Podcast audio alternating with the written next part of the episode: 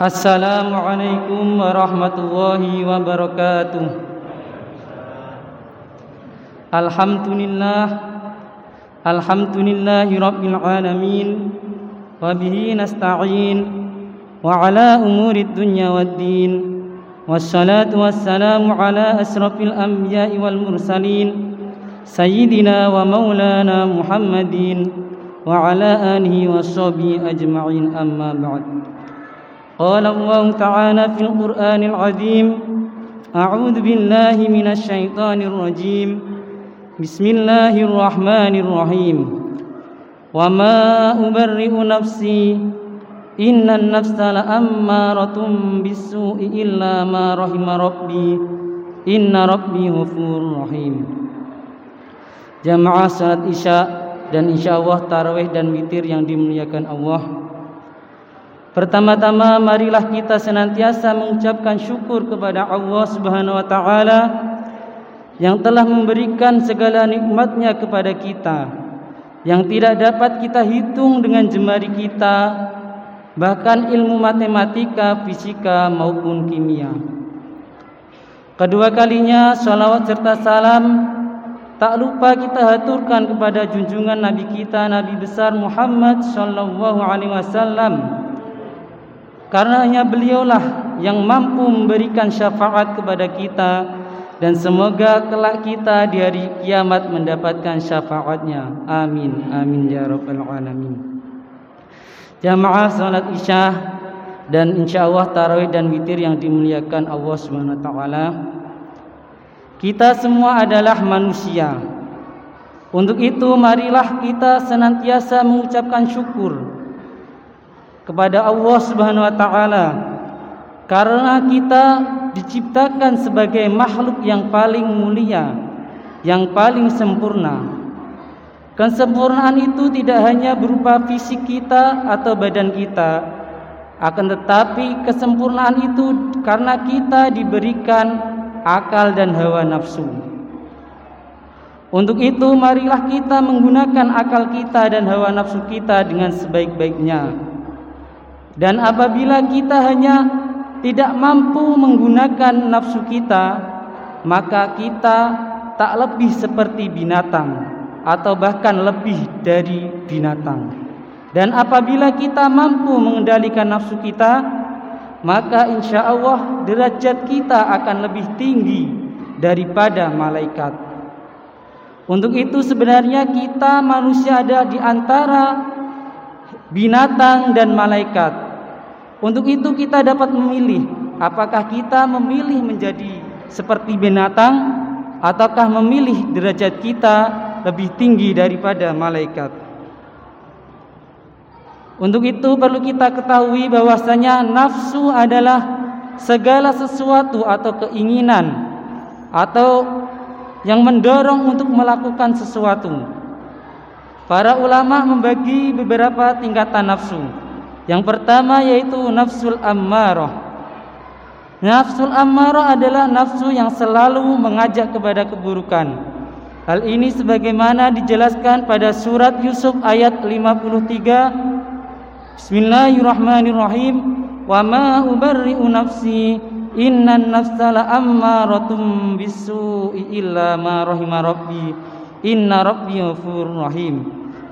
Yang artinya dan aku tidak menyatakan diriku bebas dari kesalahan karena sesungguhnya nafsu itu selalu mendorong kepada kejahatan.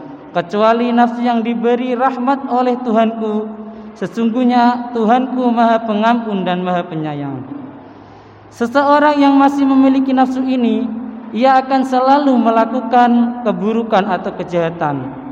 Sehingga ia tidak peduli apakah keburukan tersebut berdampak buruk kepada orang lain bahkan dirinya sendiri. Tingkatan nafsu yang kedua yaitu nafsul lawamah. Nafsu di sini seseorang yang memiliki nafsu ini ia sering melakukan perbuatan buruk namun ia menyadari dan menyesali perbuatan ini. Hal ini sebagaimana diterangkan dalam surat Al-Qiyamah ayat 1 dan 2. Bismillahirrahmanirrahim. La uqsimu biyawmil qiyamah wala uqsimu min nafsil Aku bersumpah dari hari kiamat dan aku bersumpah dengan jiwa yang amat menyesali dirinya sendiri. Lawamah di sini berarti menyesali. Jadi seseorang yang masih memiliki nafsu lawamah ini, ia sering melakukan perbuatan buruk atau kejahatan. Namun ia menyesalinya, namun melakukannya lagi. Hal ini sebagaimana kapoknya orang yang memakan sambal. Ketika ia makan sambal ia kepedasan, lalu di suatu hari lagi dia makan lagi. Itulah seperti nafsu lawamah. Nafsu yang ketiga yaitu nafsu musawwah. Nafsu di sini seseorang sudah mampu membedakan antara baik dan buruk. Namun ia tetap sering melakukan perbuatan buruk dan mencampur adukannya. Sehingga ia selalu bertobat dan menyesalinya. Ia melakukan keburukan tersebut tidak takut karena Allah namun takut jika aibnya keburukannya diketahui oleh orang lain. Nafsu yang keempat yaitu nafsul mutmainnah. Nafsu seseorang yang memiliki nafsu ini maka jiwanya sudah tenang.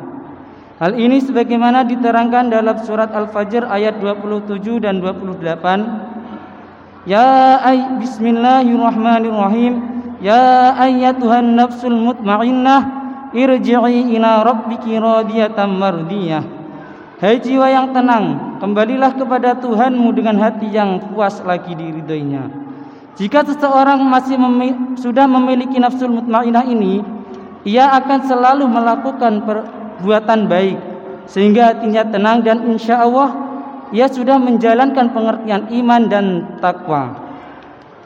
Untuk itu, kita sebagai manusia, kita bisa memilih apakah kita dapat menggunakan nafsu kita dengan baik atau dengan buruk. Karena tidak semua nafsu merupakan perbuatan buruk tapi ada yang baik. Ada beberapa cara untuk mengendalikan nafsu. Di antaranya yang pertama yaitu dengan puasa. Kenapa puasa? Secara bahasa sendiri puasa berarti imsak atau menahan. Hal ini sudah berkontradiktif atau sudah bertolak belakang dengan lawan nafsu. Dan jika kita berpuasa pasti kita akan lemas sehingga kita akan malas untuk melakukan segala sesuatu. Rasul pun bersabda, jika seseorang sudah berkeinginan untuk menikah namun tidak mampu, maka ia disuruh untuk berpuasa. Karena puasa adalah sebuah benteng dan perisai bagi manusia. Cara yang kedua yaitu melawan nafsu dengan nafsu itu sendiri. Maksudnya di sini yaitu nafsu yang besar dilawan dengan nafsu yang rendah.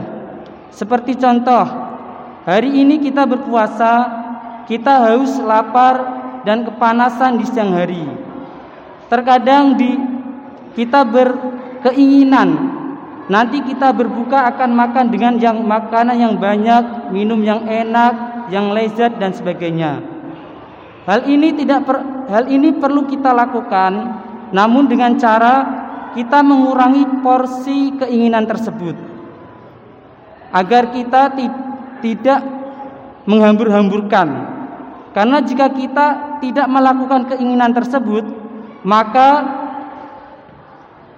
Suatu saat nanti kita juga akan tetap melakukan itu lagi. Cukup sekian dari kami, kurang lebihnya kami mohon maaf. Wabillahi taufik wal hidayah. Assalamualaikum warahmatullahi wabarakatuh.